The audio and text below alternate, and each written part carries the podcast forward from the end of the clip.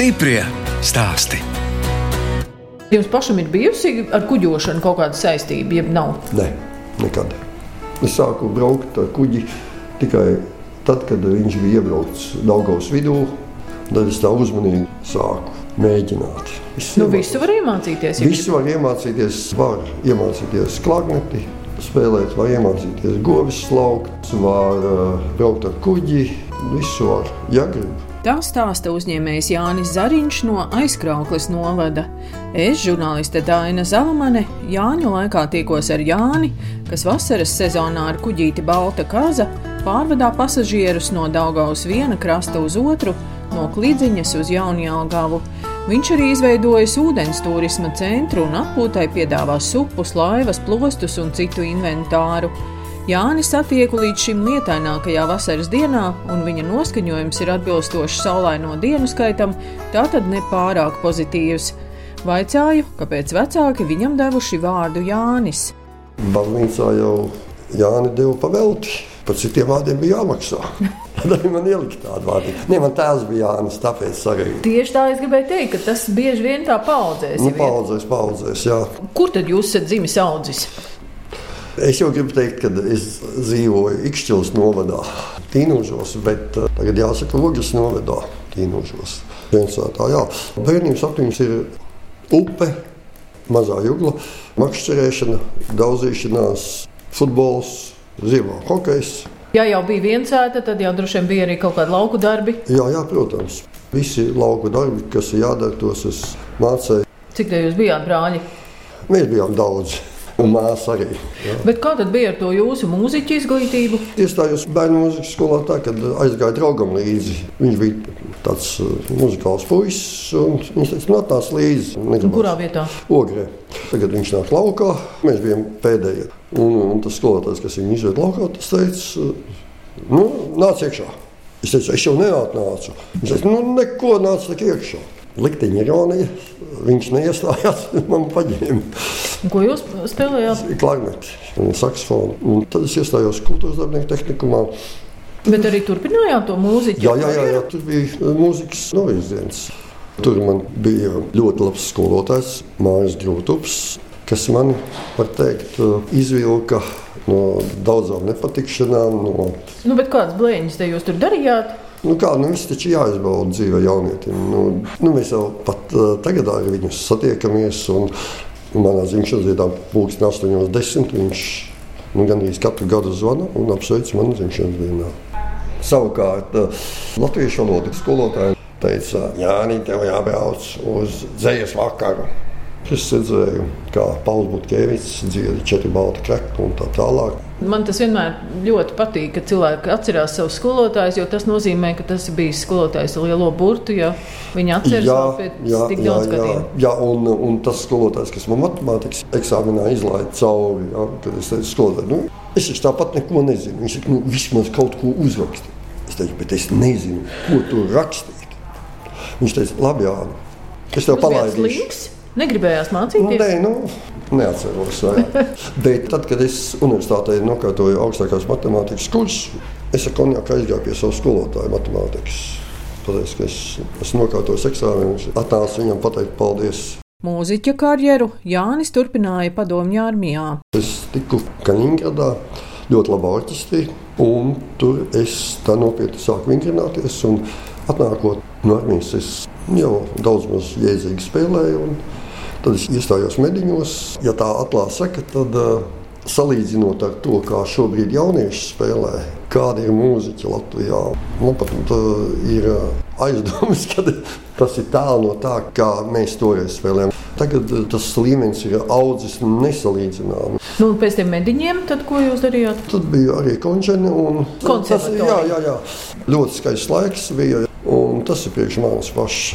Arī mani draugi visi no tā laika. Foršs puikas, mēs joprojām satiekamies.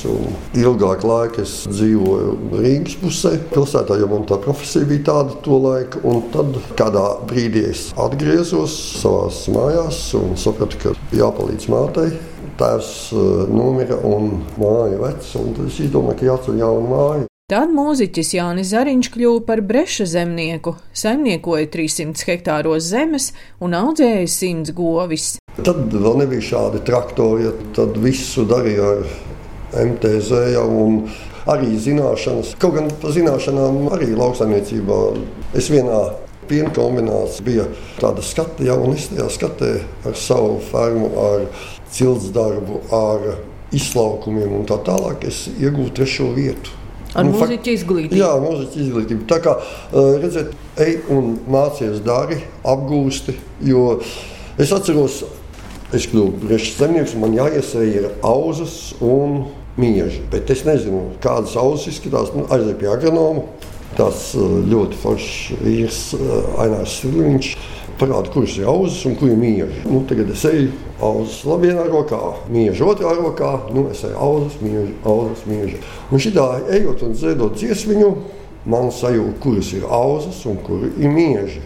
Tad es aizgāju atpakaļ, sākuma viepunktā, atkal man parādīja, tad es laikam iebāzu vienu kabatā, un tad es Nu, tas bija pašā sākumā. Protams, bija, protams pašā jā. sākumā. Jā, bet pēc tam jau bija rezultāti ļoti labi. Jo iedomājieties, šādā skatē.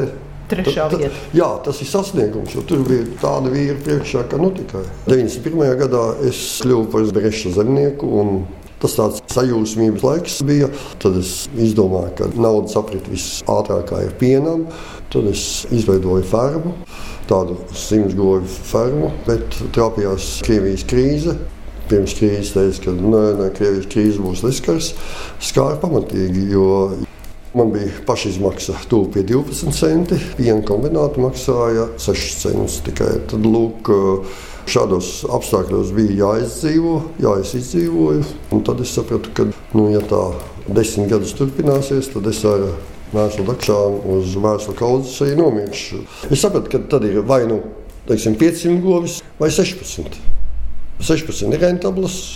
Jo cik darbiniekus iesaistīja, bet ko var atļauties, ja tu nevari samaksāt slaucējumus, izglābt veikali? Pārtikas veikali. Jā, kur tie bija tie veikali tīņūžos? Visdažādākajās vietās. Bet ne jau tas ir būtiski. Vienkārši tas laiks man saistās ar to, kā dzīve meta kūleņus, un pēc tam es pārdodu govis un visu likvidējot. Es vienkārši tā biju izdzinies, ja, kad uh, iestājos universitātē atgūties, vienkārši garīgi atgūties. Jo es biju vienkārši sevi sadedzinājis līdz pēdējai vīlītei, jo iedomājieties, ja jūs saņemat pusi no pašizmaksas pāris gadus, ko jūs varat izdarīt. Bija darbinieki, jā, bet es tāpat visu darīju, un cilvēks orķestris. Bet tad jūs arī bijāt atvēzējies. Nu, ja bija ferma un vēl veikali. Nē, nē, nu, protams, ka es biju atvēzējies, jo es jau nevaru tā normāli kā cilvēks. Šobrīd tas ir populāri, kad cilvēki izdeg. Kas toreiz zināja, ka tu izdeg? Vienkārši pamosties no rīta un tev vairs nav spēka paiet. Un ko jūs darījāt? Kā jūs tad atguvāt? spēku un enerģiju. Pagulēju pāris dienas, un tad jau varēja no gultas izkāpt atkal. Un tad atkal aizgāju. Stiprie stāsti.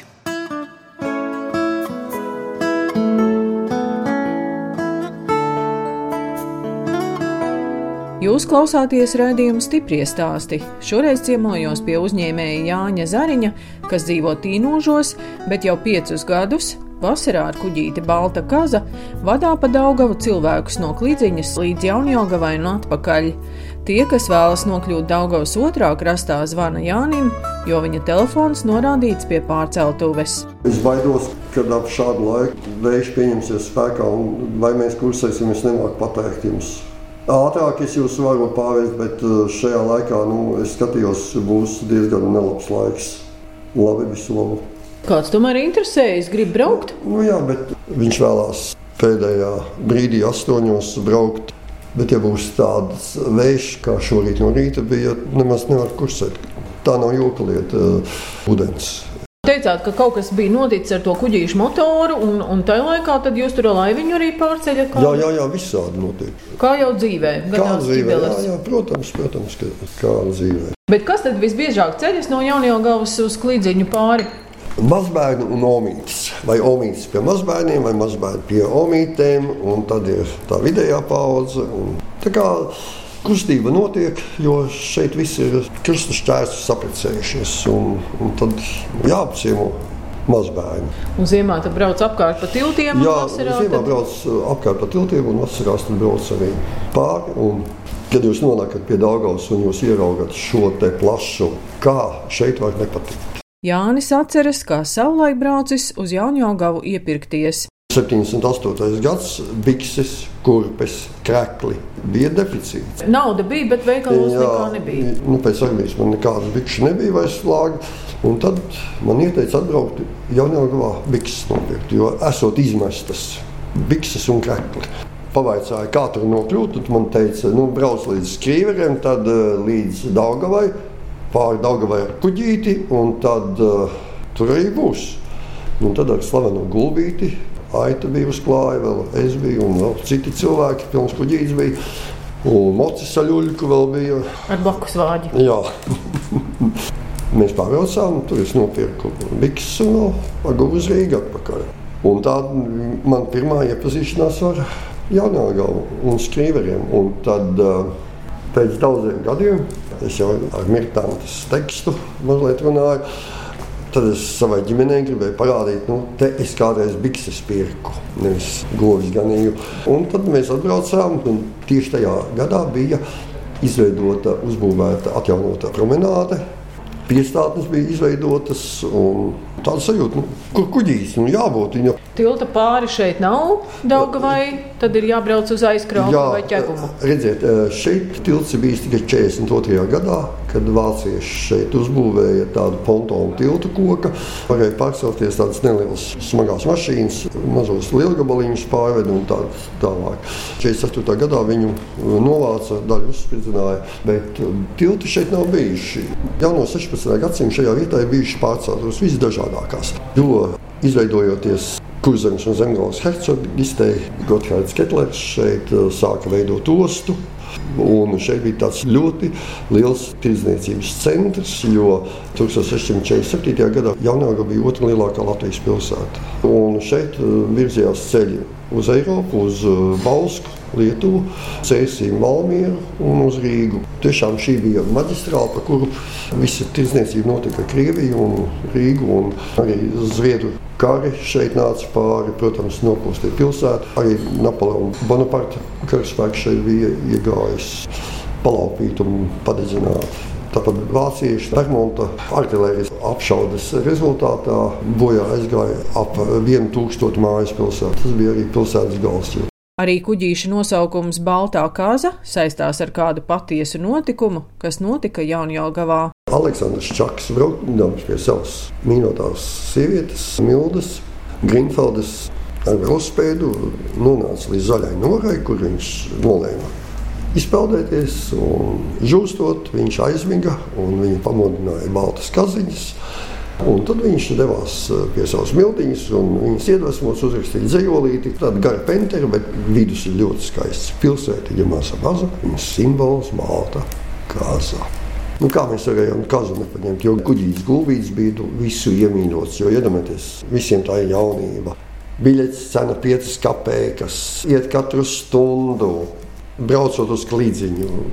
Bulciņa maksā 8 kopēkus no sākuma, pēc tam bija 12. Un kā tādas lietas var aizmirst? Bet tas gulbīts bija lielāks kuģītis. Nu, ja jūs teicāt, ka tur veda.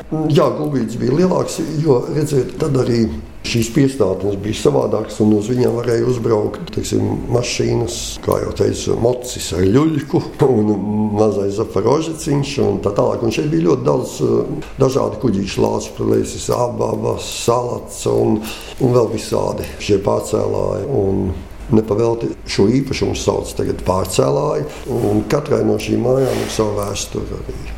Nu, ja jums brauc arī ekskursanti, tad jau jums tie ekskursanti arī jāvadā un kaut kas jāpastāsta. Jā, jā, jā. tur apkārtni. Viņam varu anekdotas pastāstīt, vēsturi. Šeit ir pilsēta, šeit ir dendroloģiskais parks, šeit ir ļoti skaista vieta. Bet viņi nav tādi kā koknese, kur ir skaists pilsdrups, kur viss tiek krasti. Tādi. Šeit ir viss vienmuļā. Tad ir jāieinteresē. Nu, lai ir interesanti ekskursija un tie stāsti, nu, tā vēsture, nu, viņi var pasniegt dažādi.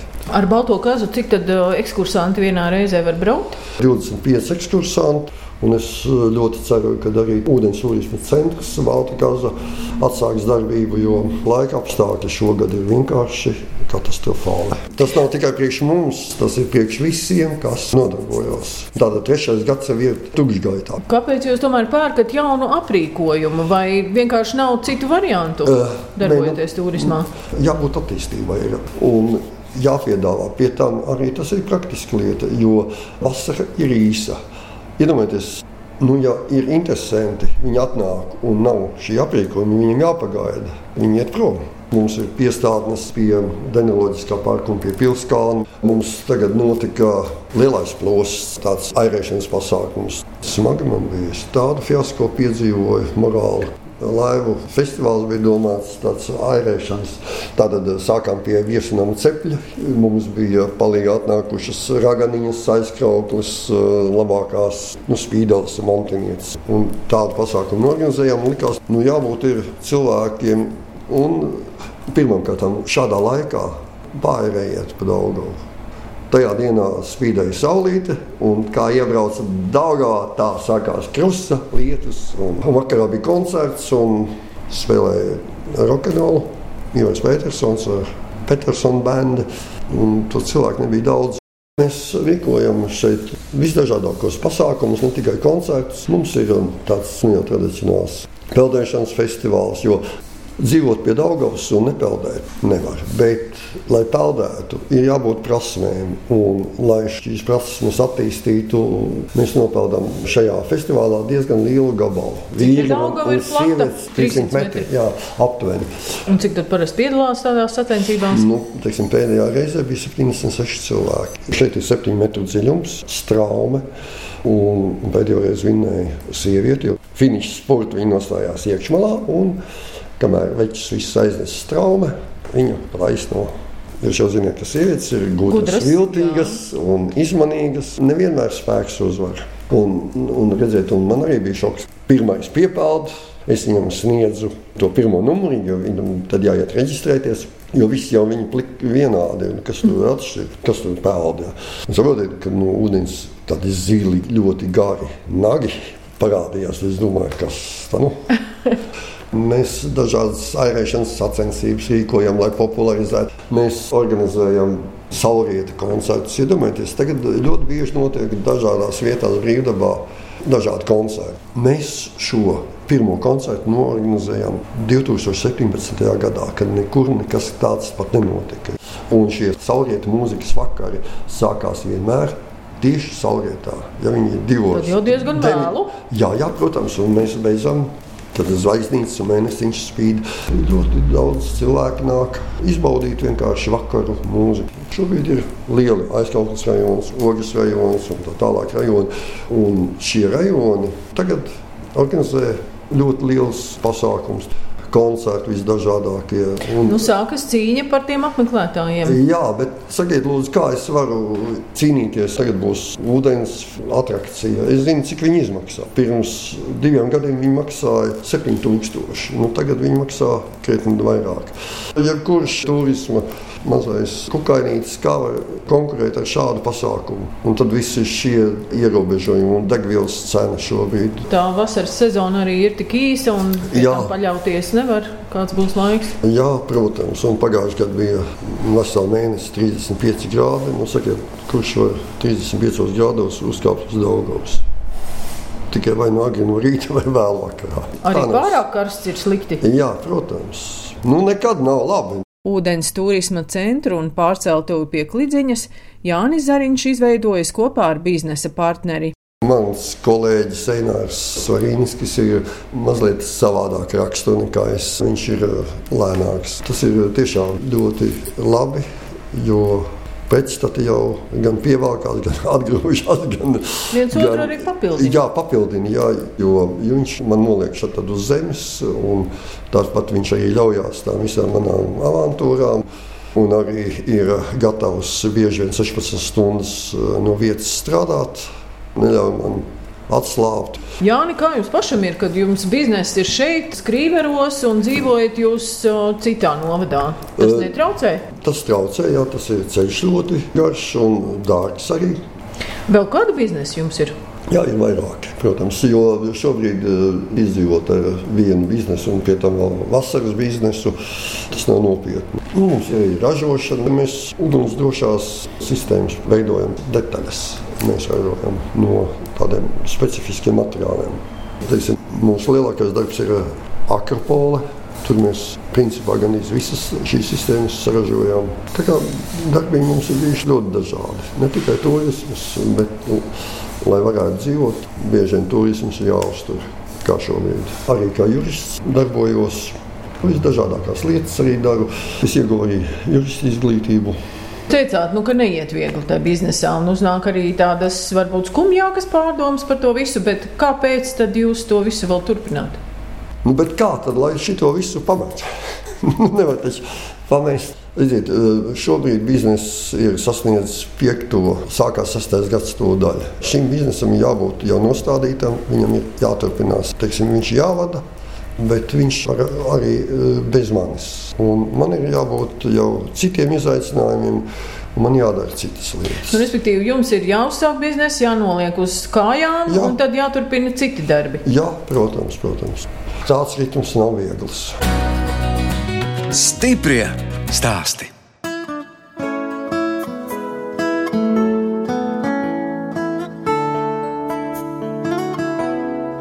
Jūs klausāties raidījuma stipri stāstī. Turpinot ciemoties pie uzņēmēja Jāņa Zariņa, ka Maiskrauklas novadā pieder pārceltuve pāri Daugavai un ūdens turisma centrs. Jānis vēl stāsta par dēlu Robertu un sievu Ilzi. Ilzi strādā policijā, bet viņa neko sliktu nedara darba ļaudīm viņa vienkārši tur kaut ko raksta. Nu, dēls Roberts, vai tam ir arī interese par biznesu? Nē, viņam nav interesi, paldies Dievam, par šo biznesu. Bet, ja vajag, viņš eh, man palīdz. Jā. Viņš šobrīd studē universitātē. Ir tādas ģimenes, kam ir šī pēcsacība. Bet acīm redzot, tajā laikā, kad man vajadzēja dēlam ielikt šo pēctecību, tad es no rīta četros cēlos un vakarā Vienos gāja gulēt, un četros cēlos, un vienos gāja gulēt, un cik viņš man redzēja.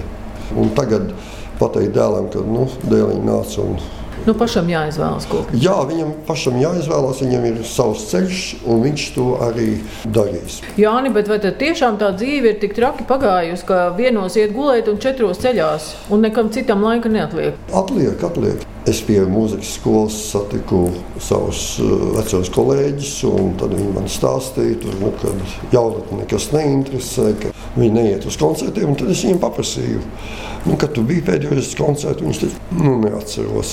Es teicu, bet paklau, bet es tev varu pateikt, es nu pat biju. Klasisko mūziku man interesē. Tā iepriekšējā dzīve, mūziķa dzīve, viņas sasaistās ar šo, un tas bagātina mani. Man ir interesanti dzīvot. Kas vēl prieku dzīvē sagādā? Grāmatas lasāt, vai skatāties kādas filmas vai uh, seriālus? Nē, televīzorā es vispār neskatos. Nu, šādi telefonā, ko var paskatīties, nav man laika. Tam. Grāmatas es lasu specifiskas, tādas, kas man interesē. Un, Par biznesu? Nē, nē. Nu, ja kādreiz es arī dejoju salsu un, un Tā tālāk man bija tam laika. Pareizi ar sievu četrus gadus, jā? Jā, jā, jā, jā protams, jā, dejojām. Un arī šeit es organizēju salsas dejas promenādē. Un bija ļoti liela atsaucība. Šogad gribēju tango, bet mums nesanāca. Tango skolotāju nav tik daudz.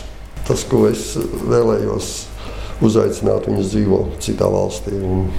Viņš nevar atbildēt to tik vienkārši. Jā, ceļot jums patīk? Jā, ceļot patīk. Mājas darbs, darbs mājas. Atkal nav laika.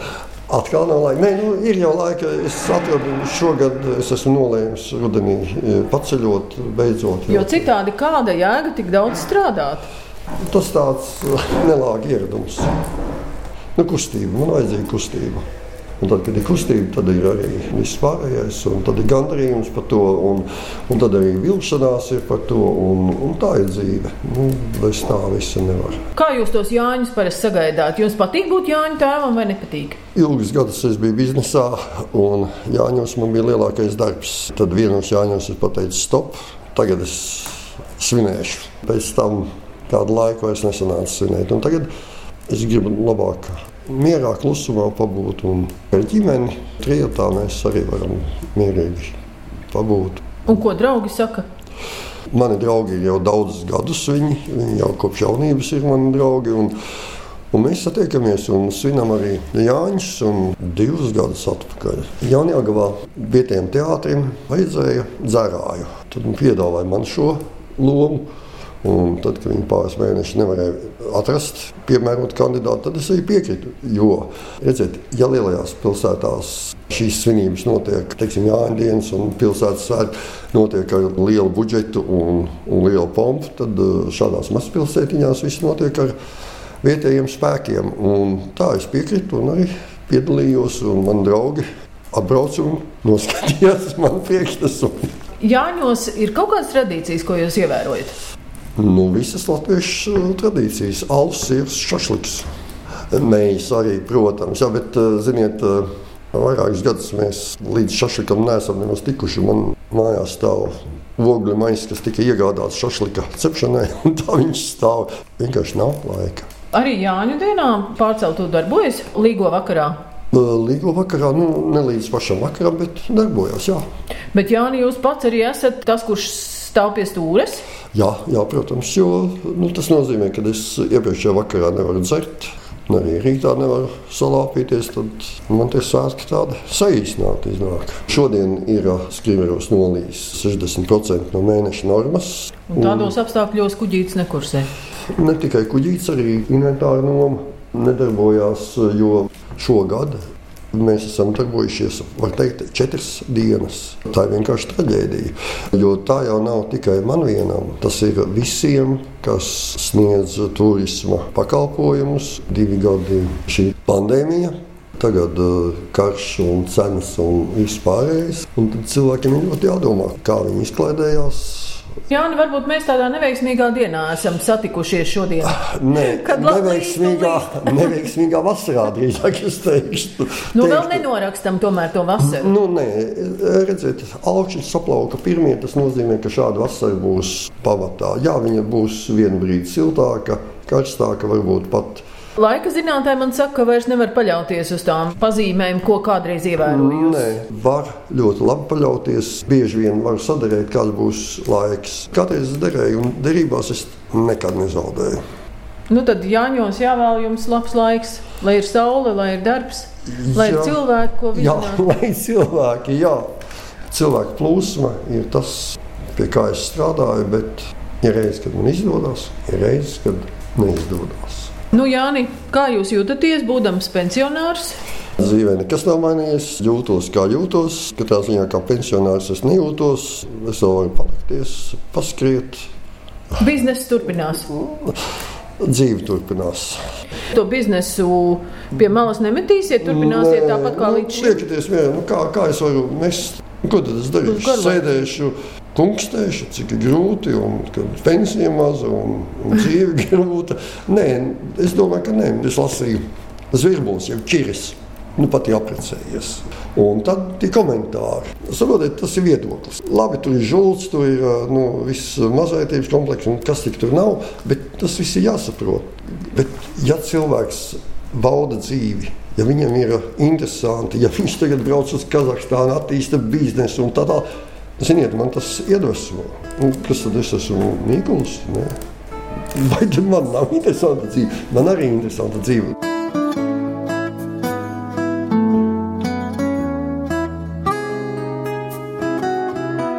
Redījums stipri stāsti izskan, un mēs atvadāmies no uzņēmēja Jāņa Zariņa, kam aizkrauklas novadā pieder pārceltuve un ūdens turisma centrs. Laika apstākļi gan turismu uzņēmēju šovasar nelutina, bet vēl jau vasara nav galā. No jums atvadā žurnāliste Dāna Zalamane un operātore Inga Beidele, lai tiktos atkal tieši pēc nedēļas.